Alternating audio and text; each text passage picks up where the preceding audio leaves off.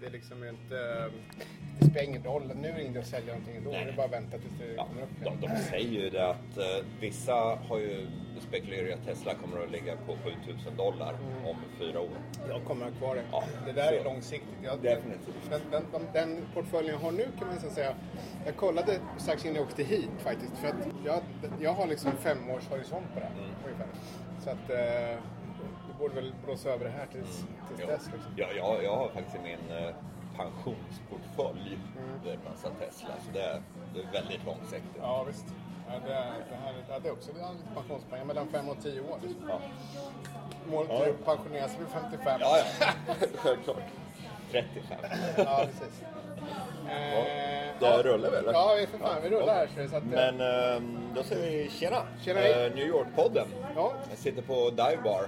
just det. Och eh, jag har en, ehm, en Lagunitas IPA i glaset. Ja, och jag hade en, eller jag beställde en Goose Island eh, IPA, men hon, kvinnan i baren hävdar att de har bytt, bytt ut den så att det här inte är en IPA. Så jag fick faktiskt en provsmak först. Ja, Och vi hade en liten debatt om det där var en IPA. Jag tycker att den är lite...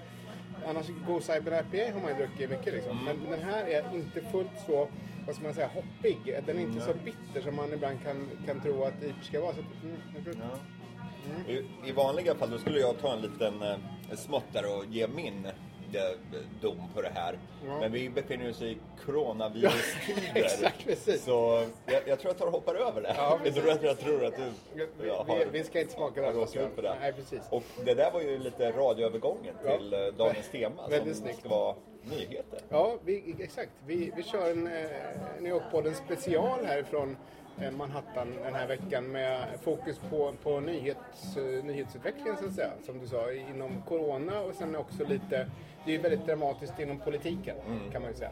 Särskilt bland Demokraterna där, så vi ska prata lite om, om, om det. Men eh, det här med Corona, alltså jag tog tunnelbanan hit nu, det är ganska intressant upplevelse att när man är medveten om det, att försöka gå åka tunnelbanan utan att nudda någonting. Det är det. man man liksom går in, man drar det här kortet väldigt noga, håller det sådär utan att nudda den här stål, liksom, kortläsaren. Sen går man in och, och tar med armbågarna när tågskrället gungar och liksom jag kom på ett bra sätt är att ha händerna i byxfickorna. Då Ja. kan man liksom inte nudda någonting. Ja, ja det, det är faktiskt ingen dum idé. Det, det får man se till. Och de, de, de säger att eh, tvätta händerna, använda handsprit när man är ute, ute bland folk och inte röra sin T-zone, som alltså öga, öga, näsa, mun. Vilket är svårare än man tror. Svårt, För det är ju ja. ofta man sitter och ja, tallar sig själv i ansiktet utan att tänka på det. Eh, vi- alltså det, det här eh, avsnittet släpper vi lite, förmodligen lite kanske utanför schemat just för att nyhetsläget är som det är. Man kan säga att eh, jag skrev faktiskt en liten uppdatering i eh, morse åt, åt tidningen, eh, eh, en text. Och just nu då så det har ju nästan dubblats antalet i USA senaste helgen. Så nu är det drygt 500 eh, 550 ungefär coronafall i hela USA ska vi säga. Och det är väl ett 35-tal delstater av, av, av 50 då som har identifierade fall. Och sen har vi ju här i de tre största centrumen så att säga, där det är störst koncentration är väl, förutom här i New York då, så är det väl eh, Washington State i nordvästra USA och sen så Kalifornien. Och de har ju det här problemet med den här båten som lägger till nu, ja, as we speak nästan, i, i Oakland. I Oakland. Ja, kryssningsfartyget där man har 21 fall tror jag det var. Eh, Och här i New York så är det väl eh, ganska många i Westchester norrut tror jag en bit. Eh, en förort kan man säga till norra New York City. Det är ju själva epicentrum här i New York State. Sen är det en handfull här på Manhattan eller här i New York City. Och sen någon i Ulster County. Var nu det ligger, det vet jag inte riktigt. Nej, det vet det är inte väl jag. upstate Ja, någonstans. det borde det vara. Men vi kan ju nämna lite vad som händer lokalt här. Att så sent som idag så sa ju borgmästaren de Blasio att uh, han uppmanar New Yorkers att uh, när vi tar tunnelbanor att om det är riktigt fullsatt vagn, Att inte pressas in utan kanske gå tillbaka och vänta på nästa tåg. Det väl smart. Ja, det är ju det. Men det jag vet inte hur många som kommer att lyda den uppmaningen i rusningstid till exempel. Nej, och, och sen är det ju också det att jag menar, New Yorkers är ju väldigt beroende av tunnelbanan. Det går ju inte, jag menar, det är ju, många bor ju kanske långt ut i Queens och jobbar på Manhattan eller eh, bor på Staten Island och jobbar i Brooklyn och allt det där. Och, och man är tvungen att ta tunnelbanan. Ja, så väldigt stannar hela livet av liksom. Väldigt få har ju bil dessutom, Ja. så det är liksom tunnelbana och buss är ett måste. Ja, jag, jag åkte tunnelbana alldeles nyss. Det var ju gott med folk på den. Det, är- det är ju inte så att folk undviker den. Liksom, utan, eh, eh, sådär. Men det, det, är väl, det är väl egentligen, jag vet jag var här eh, 2014 eller 2015 när, det kom ett ebolafall hit eh, från eh, någonstans. Det var väl Väst, Västafrika någonstans. Men då, då hade man fått hit det där och då gick det väldigt snabbt att den personen då, jag tror det var en sjuk eh, hälso, alltså dockläkare och sånt där som hade varit där. Och eh, vederbörande isolerades bixtat på Bellevue-sjukhuset nere på sydöstra, precis norr om East Village. Och borgmästaren hade liksom, och guvernören också, Cuomo hade presskonferens och vi har koll på det här. Och, och det hade de också. Det, det blev ju aldrig, det var någon, eh, något bo, han hade ju åkt på L-linjen mellan Brooklyn och Manhattan den här killen. Han har gått på någon konsert Ja. i Brooklyn, Williamsburg. Jag tror han var på en bowlinghall Ja, bowlinghall, också. Ja, som det, fick så det. slå igen det och sanera hela det. Men, men sen var det ju, hade ju blåst över. Nu det här viruset, corona, eh, covid-19 vad heter, eh, mer aggressivt eller på ett annat sätt. då. Men, men nu har ju myndigheterna i USA eh, sjabblat kan man säga. De har ju inte eh, testat så pass mycket eh, sådana här fall som ligger i riskzon. De har bara testat folk som uppvisar symptom om jag fattar det rätt. Och det är lite klantigt för då eh, missar man ju eh, en massa fall. Eh, Definitivt. så Och de, de hade väl inte tillräckligt med testkits till, i, i början Nej, heller. Det var väl därför det blev en sån här spike i... Det, det sköt i höjden någon dag där. Ja, precis. Och vad ska man säga mer? Att uh, guvernören Cuomo, han har ju, det, han har ju de, declared a state of emergency Mm. här i staten. Och det är för att de ska få federala pengar. Just det. Och, och det har jag också gjort. Jag, de senaste veckorna har jag faktiskt åkt genom, jag tror det var sju delstater med bil. Eh, lite söderut och norrut. Och, och, eh, ja, South Carolina, Georgia och, och eh, Alabama och så vidare. Tennessee och lite grann i Ohio. Och, och eh, överallt så är det ju det stora samtalsämnet såklart. Men däremot så, jag har inte nu ser man ju såklart inte folk som sitter hemma och isolerar sig själva för att de är nervösa. Men man ser ju bara folk som beter sig som vanligt. Men väldigt många beter sig ju precis som vanligt. Oh ja. Det är ju ingen... Och New York har ju haft sin beskärda del av katastrofer. Och, och jag har uppfattningen att folk... Ett virus ser man inte, man vet inte var det finns. Och därför kan man inte förhålla sig till det utan då kör man på som vanligt. Liksom. Det är så, så, så är min generella uppfattning lite grann efter att ha, ha, ha, ja, du vet, man, har- man har bott här några år och, och det där Ebola-fallet. Du bodde ju här under Sandy som ju var en annan typ av katastrof. Den märktes ju verkligen. Ja, Eh, men eh, har inte riktigt, går inte att jämföra med nej. coronakrisen. Det, det, det enda jag kan nämna som jag har märkt är väl att folk, det känns som folk står lite längre ifrån varandra. Ja. Mm. När man går till dagligvarubutiken eller något sånt.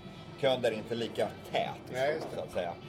Men, eh, och det, just det beror väl också på att eh, jag tror inte det har varit några dödsfall i New York Nej, State. Det har tror inte, det heller. I, i talande stund. Ja, det, det, det är en eh, advokat där i Westchester som ligger inne på intensiven. Han var väl bland Mm. de första som fick det, men han har nog inte avlidit än. Och, förhoppningsvis gör han inte det heller. Så att, Däremot i eh, eh, Washington State, där är det hur många som har dött? Är är det 11 eller 19?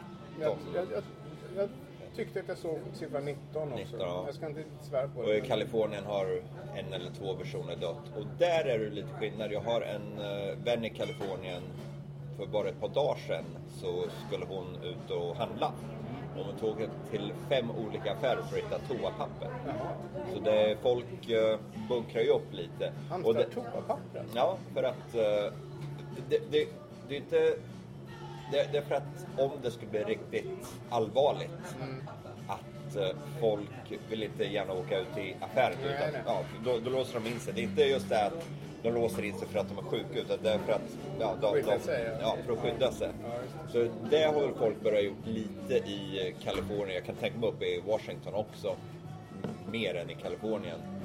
Och jag, menar, jag och ett par vänner, vi har gjort oss eh, skyldiga till bunkring också. Mm, jo, jag har gör ju- beställt eh, ris och bönor på, eh, från Amazon till exempel. Ja, ja. En stor säck ris, en stor säck bönor. För jag tänkte om, Det går åt helvete. ja, om, o, o, o, om det börjar sprida sig här i stan så kan vi låsa in oss i ett par veckor och käka Ja.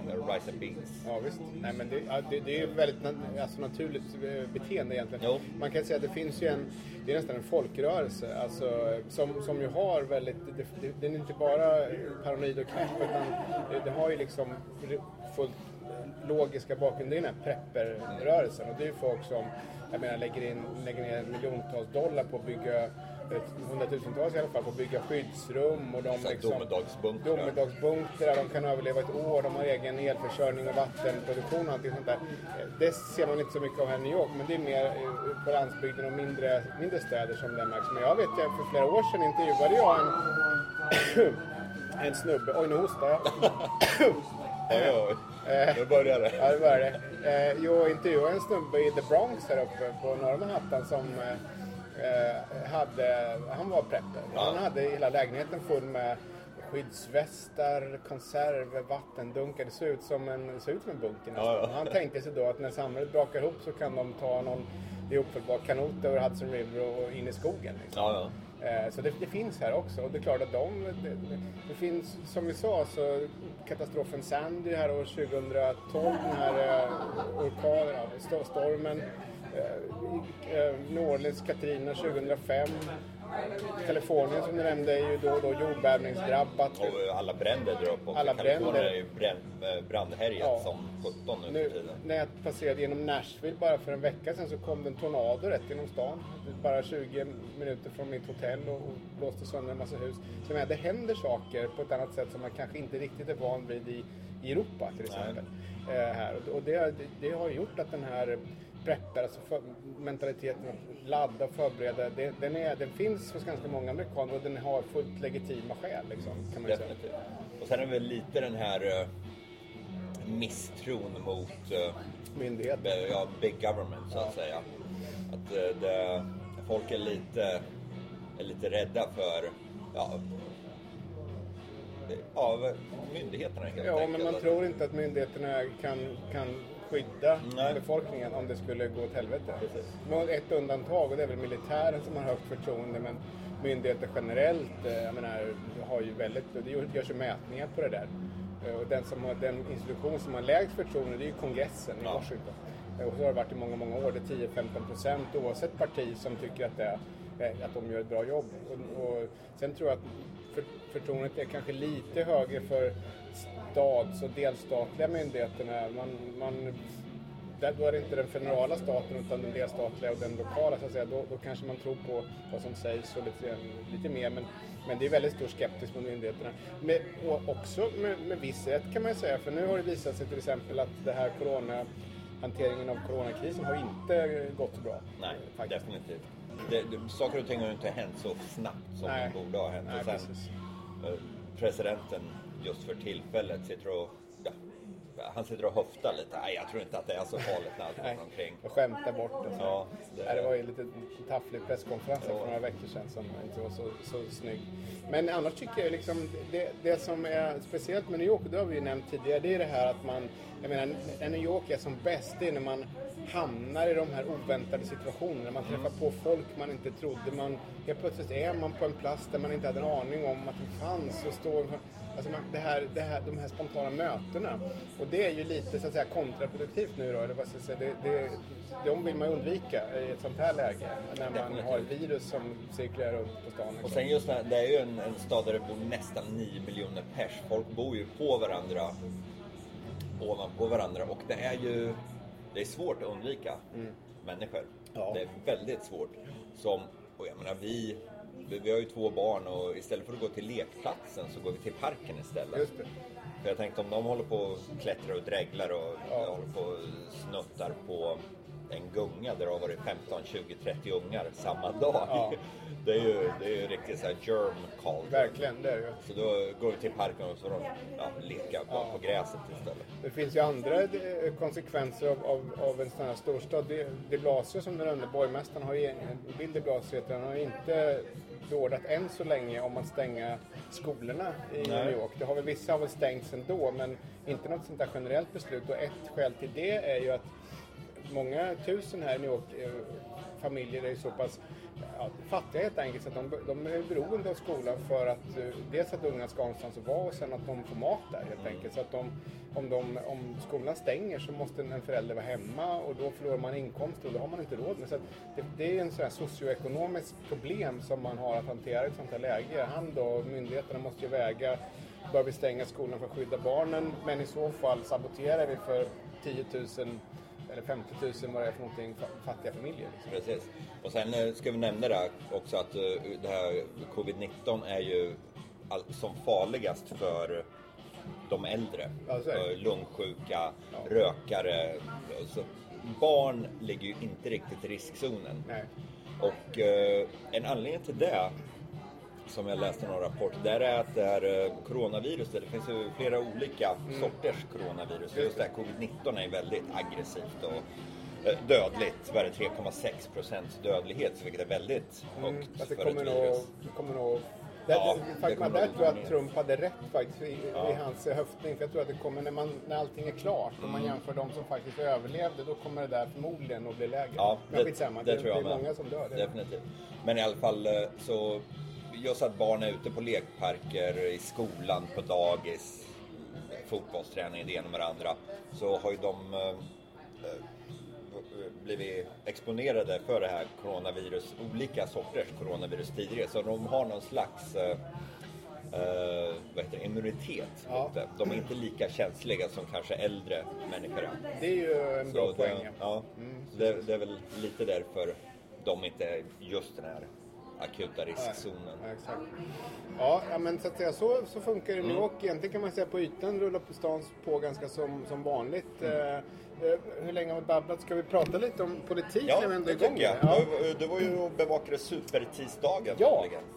Exakt, det var Berätta ju... hur det var. Ja, eh, först var jag i, eh, i Charleston, South Carolina, när det var primärval där den 29 februari. Och det var ju eh, eh, den, den som det var väldigt viktigt för det, det var ju Joe Biden, alltså Obamas president, eller vicepresident, eh, som ju då låg väldigt risigt till före den 29. Han, han hade, hans kampanj hade väldigt lite pengar, han hade inte, han hade inte vunnit ett enda primärval tror jag, av de tre som hade varit innan då. Eh, Iowa, New Hampshire och eh, Det var bara Nevada. en handfull delegater. Ja, väldigt dåligt. Men han gjorde ju en superskräll i, eh, eh, i South Carolina. Det, och och nu är han ju frontrunner. Nu är han ju, han har flest delegater. Eh, någonstans mellan 500 och 600. Bernie Sanders kom ju in som tvåa där och han, de ligger ganska jämnt i den här delegatstriden. Men nu, bara på ett dygn egentligen, så vändes ju alltihopa från att Biden var nära att åka ut till att Bernie, vänstersenator från Vermont där uppe, eh, ser lite... Ja, jag, jag tror att han, ja, han kommer kämpa på ett antal Oh, ja. månader till. Definitivt. Eh, Men men, han kommer inte att ge sig Nej. förrän Och sen- att, att, antingen Biden får eh, majoritet ja, eller, eller att han, eller att han här brokered convention. Ja, precis. Men så att, sen så kom ju supertisdagen som du sa och då, då var jag i Nashville och, och jag fick faktiskt fullt upp med den här jävla tornadon så jag hann inte, men, men jag följde valet på natten där och, Ja. och, då, och då gjorde ju Biden väldigt bra ifrån sig. Framförallt så vann han Texas som ingen hade trott och han vann även sydstaterna i ehm, ja, de här, eh, var några sydstater som röstade bra också, bland annat eh, Alabama tror jag. Eh, och eh, några till. Men, eh, så att det är ju eh, en... Det, där kom han ju också ifatt så att säga och för, cementerade sin, sin, sitt uppsving, sin ledning efter South Carolina. Och det var väldigt dramatiska dygn. Det var, det var kul att följa det där verkligen på, på plats. Och, eh, jag, jag bevakade ju lite grann, eller ja, lite grann, ganska mycket 2016 också, fyra år sedan. Eh, och då var det ju då var det också väldigt jämnt mellan Hillary Clinton och Bernie Sanders. Så problemet nu för Demokraterna är ju, en analys är i alla fall att man riskerar ju en upprepning av 2016 i den meningen att partiet är väldigt splittrat. De som hejar på Bernie Sanders, ofta unga 20-30-årsåldern, de kommer aldrig någonsin vilja lägga sin röst på Joe Biden.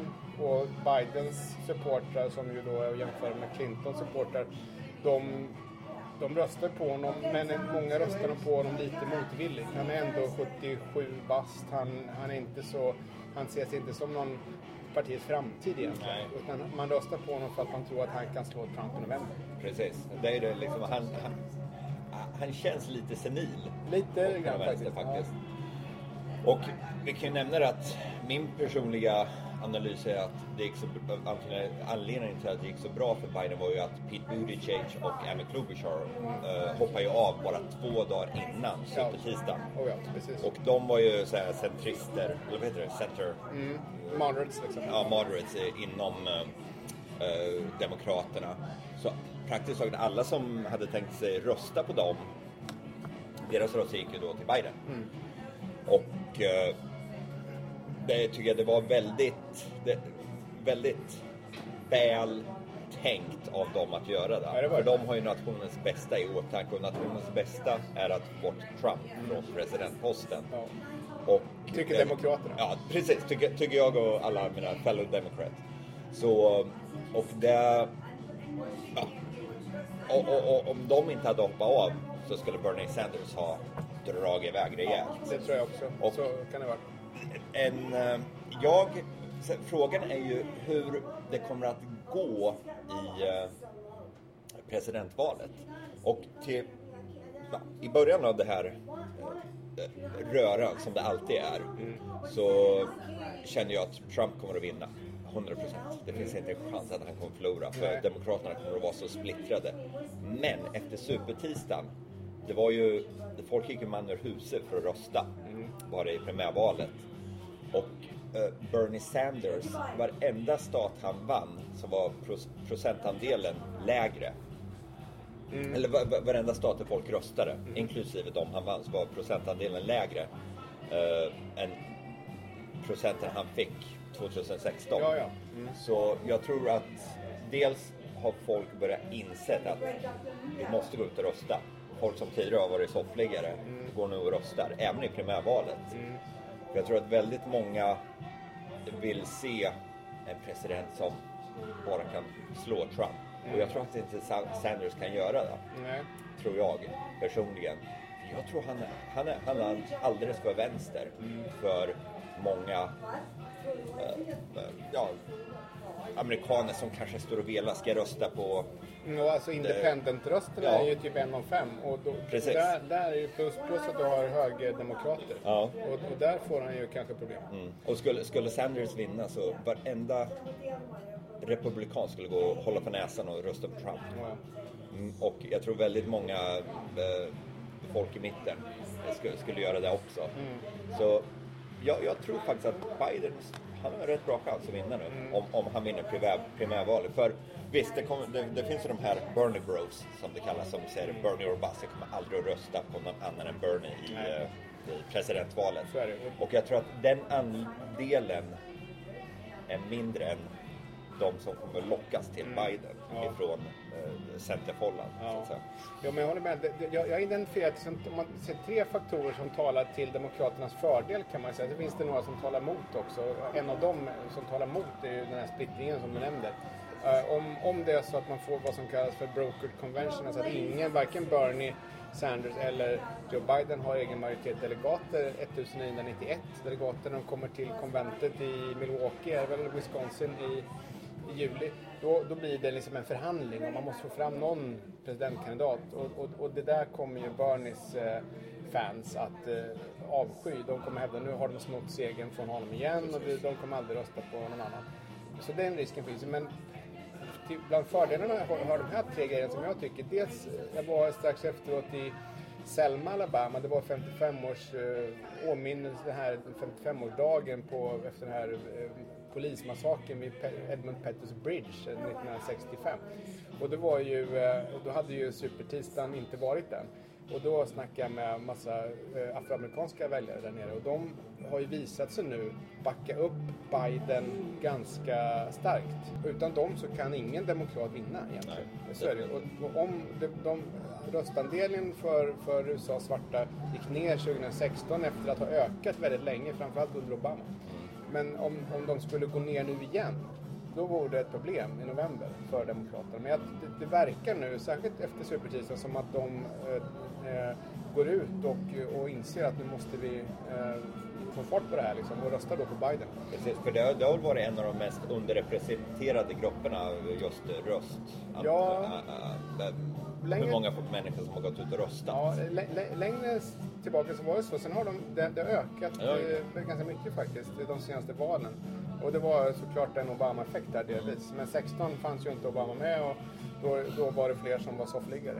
Och, det, ja. eh, ursäkta mig att jag avbryter, jag måste flika in att eh, 2016 så var det ju praktiskt taget alla, varenda människa i hela USA gick och trodde att det, här var en show-in för, eh, för Hillary. Hon, ja, hon, vinner. Ja. Så väldigt många sket ju i att rösta då. För de att det är inte en chans Trump kommer att vinna. Det, det existerar inte. Nej, och, och in, innan Trump blev en kandidat överhuvudtaget så, så var det ju, då trodde man att det skulle bli Jeb Bush och Mm. Hillary Clinton. Och då var alla lika trötta på att ska vara en Bush till nu, eller en Clinton till. Det var, ännu, det var så ännu värre liksom. Två eh, så här etablissemangskandidater, så det, det var ju, men det var ju 2015 och ganska långt innan valet. Men en, en annan fördel som jag tror det är att du nämnde inte, Mike Bloomberg har ju också hoppat av, den andra miljardären här från New York. Och han eh, gjorde ju skitdåligt ifrån sig Super Tuesday, han vann ingenting. Jo, han vann, eh, American Samoa. En, en ö där med 50 personer. Ja. Eh, några till finns det. Men det vann han, men ingenting annat. Och han har ju däremot hur mycket pengar som helst. Karln är ju värd liksom 600 miljarder kronor något sånt där. Och han har ju byggt upp en jätteprocess det här med att liksom pinpointa vilka väljare man ska, i vilka kvarter man ska knacka dörr hos. Han, han har all statistik, han har all, liksom, all, eh, han har en stor operation för att vinna val helt enkelt på plats. Sen kan han inte utnyttja den själv, men han kan utnyttja den åt vem som än blir Demokraternas kandidat, förmodligen då Biden. Eh, och Bernie Sanders har tackat nej till allt det där nu, men det, blir han kandidat då tror jag han kommer ändra på det här beslutet. För Jag att- hoppas ju det. Ja. För det men så Bloomberg är en kraft att räkna med faktiskt, eh, även fast han inte är kandidat längre. Kanske nästan ännu mer nu skulle jag säga. Eh, sen får han inte ösa in de där pengarna i Demokraterna hur som helst, för det finns regler mot det där med kampanjfinansiering och sånt, men han kan ändå hjälpa till på distans så att säga. Och, och det är ju en, en eh, väldig fördel eh, för, för Demokraterna, för jag tror att partiet centralt har inte jättemycket jättebra operation för det där, utan det krävs någon annan som kan liksom bistå med, med det. Och han är ju, han, han vet ju faktiskt vad, vad han gör. Så hans slogan var väl Mike can get it done. Ja. Och det, det bevisar han ju som borgmästare här i stan. Han var ju Ja. väldigt bra borgmästare. Men jag tror han har ju alldeles för lite så här name recognition och sen folk tycker att en annan superrik snubbe kommer in och ska visa vad han går för. Det, Ja. Jag tror folk är lite trötta på det. Mm. En annan, den tredje fördelen som jag tycker att man kanske kan se, eller åtminstone, det vet man inte än, men det är ju faktiskt Elizabeth Warren. Om hon går ut och endorsar eller så stödjer officiellt Joe Biden, vilket ju ingen trodde för ett tag sedan, men då är det ju en jättefördel för honom och det skulle kunna hjälpa honom. Hon kanske till exempel, eh, han kanske kan utlova en ministerpost åt henne, hon får bli, vad vet jag, utrikesminister eller någonting sånt där. Och hon var ju... Eller running mate. Hon, hon, hon tycker jag var den mest kvalificerade personen för att bli president Ja. det, här, eh, det här valet. Ja. Och precis som Hillary var 2016. Ja, det fanns ingen som var mer kvalificerad än henne. Nej.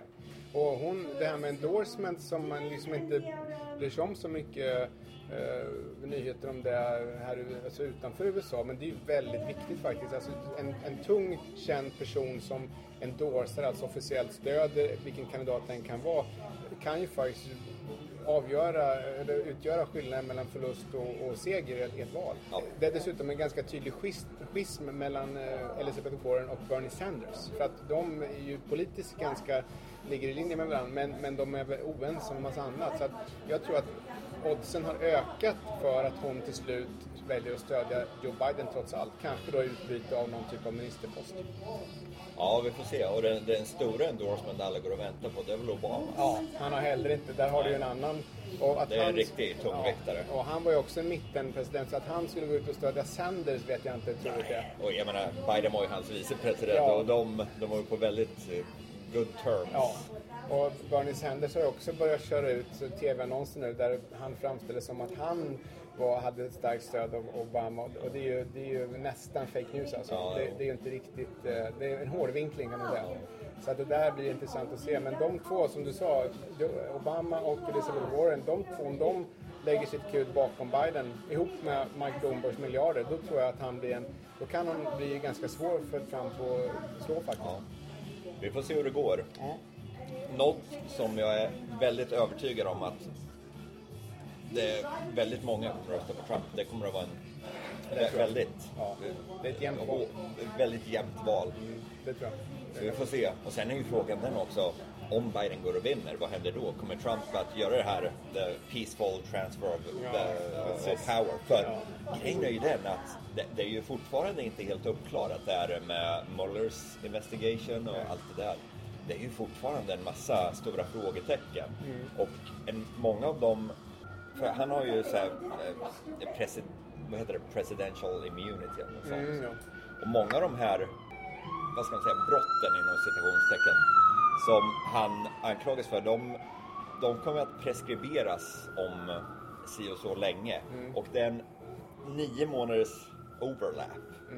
Att, Jaha, eh, ja, ja. Från att eh, eh, den nya presidenten svärs in så är det nio månader tills pres, preskri, eh, preskriptionstiden. Ja, just det. Så, och det är även New York State, de är väldigt sugna på Mm. att eh, ja, Massa finansrelaterade Ja. Ja. Så vi, vi får se. Så, jag, jag tror det att om inte Trump vinner det här, då hamnar han i finkan. Alltså. ja, det finns den det, möjligheten. det, det, det, jag, jag är väl ingen här, djup politisk analytiker, men jag tror det kommer bli väldigt kämpigt för honom om han inte vinner det här. Mm. Så han, han kommer nog göra allt för att vinna en, sin andra eh, Ja, alltså, du, du nämnde ju det här också med peaceful transition, vilket ju är någon sorts tradition. När en president avgår, det har ju inte alltid gått till så i och för sig, men alltså, tanken är ju att, att det ska bara finnas en president eh, samtidigt. Så att den 20, klockan 12 den 20 januari, före klockan 12 då är det en president och sen så svärs den nya in, så exakt klockan 12 byter man och då är också den gamla, alla eh, skyldigheter och maktbefogenheter borta liksom. Men om det finns en möjlighet att eh, det, Trump sa ju faktiskt det 2016 inför det valet att om, om jag vinner så är det bra, om jag inte vinner så är det valfusk. Så då ska jag vinna i alla fall. Skulle han gå ut och säga en sån sak, då undergräver han ju det systemet. Eh, och vem vet, jag vet inte. Han, Så vitt, så vitt jag vet så är det upp till honom om han vill lämna ifrån sig eh, all pres, presidential power eller Ja, inte. ja. Och det är liksom, vad, vad händer om han säger nej? Ja, Jag tänker inte kan- göra det. Jag, jag kommer fortsätta vara president. Vad, vad händer då? Kallas militären in? Ja, han- kommer det upp en polis med handbojor? Vad, vad, vad, händer egentligen? Ja, det är en bra fråga. För det, jag, det, det är sådana grejer, jag, jag, jag vill se vad sjutton händer Ja, egentligen. visst. För just med det här hotet om, eh, kanske inte fängelse, men en massa jäkla problem alltså, för honom och hans familj. Mm. Det, det tror jag att han, liksom, han kan vad, räkna med. vad, vad, vad kommer att hända egentligen? Ja, precis. Mm. Det, vi, vi får se om, inom ett år. Alltså. Det, I värsta fall får vi se. Precis. Det, det blir spännande. Men det är sju månader kvar så mycket kan hända. Men eh, ja, eh, Ja. med det får vi väl avrunda den här extra eh, specialpodden kan Ja, man väl säga. nyhetspodden. nyhetspodden. Om eh, virus, val och lite annat sånt där. Och säga skål. Eh, Skål och tack och hej! Vi kör, vi kör en så här, när Erik dök upp så körde vi en så här armbågshälsning. För att slippa ta i hand. virus. Ja, precis. Och jag, Jag tänkte på en annan. Om, Ja. om man dricker mycket sprit, Mm. borde inte det... Sprit är ju... Måste ju ta bort virus. ja, ja. Eller ja, man, liksom handsprit var så det borde Ja, munsprit men, ja exakt. Om man får in det i munnen då tar man Ja. och gurglar whisky. Liksom. Ja, det, Eh, det är faktiskt ingen dum. Nej, jag tror att du Vi får, ska vi får testa det. utforska det. Ja, precis. Eh, hej på er så länge Ja. och sen så hörs vi om eh, ett par veckor. Ja, ha det bra. Hej. Tja. Ja, ja, som till, eh, var det en IPA det där? Alltså jag, ja, det, det, ja. Det, den, den, jag tycker att det är en IPA. Ja, ja. Men, men det är inte den här, den är inte så besk. Det är väldigt, eh, det smakar ganska likt Lagunitas tycker Ja, jag. kanske. Faktiskt. Ja. Den är ju heller inte så här Nej, lite så blommig. Ja, nästan. mer Ja. lite blommig. Men det var nog det. Men eh, hon, bartendern var väl tveksam. Ja. Ja, jag ska ha en bira till. Ja, ja. Oj, nu spiller jag. Jaha. Du kan få lite pengar, kan du köpa en till? Ja.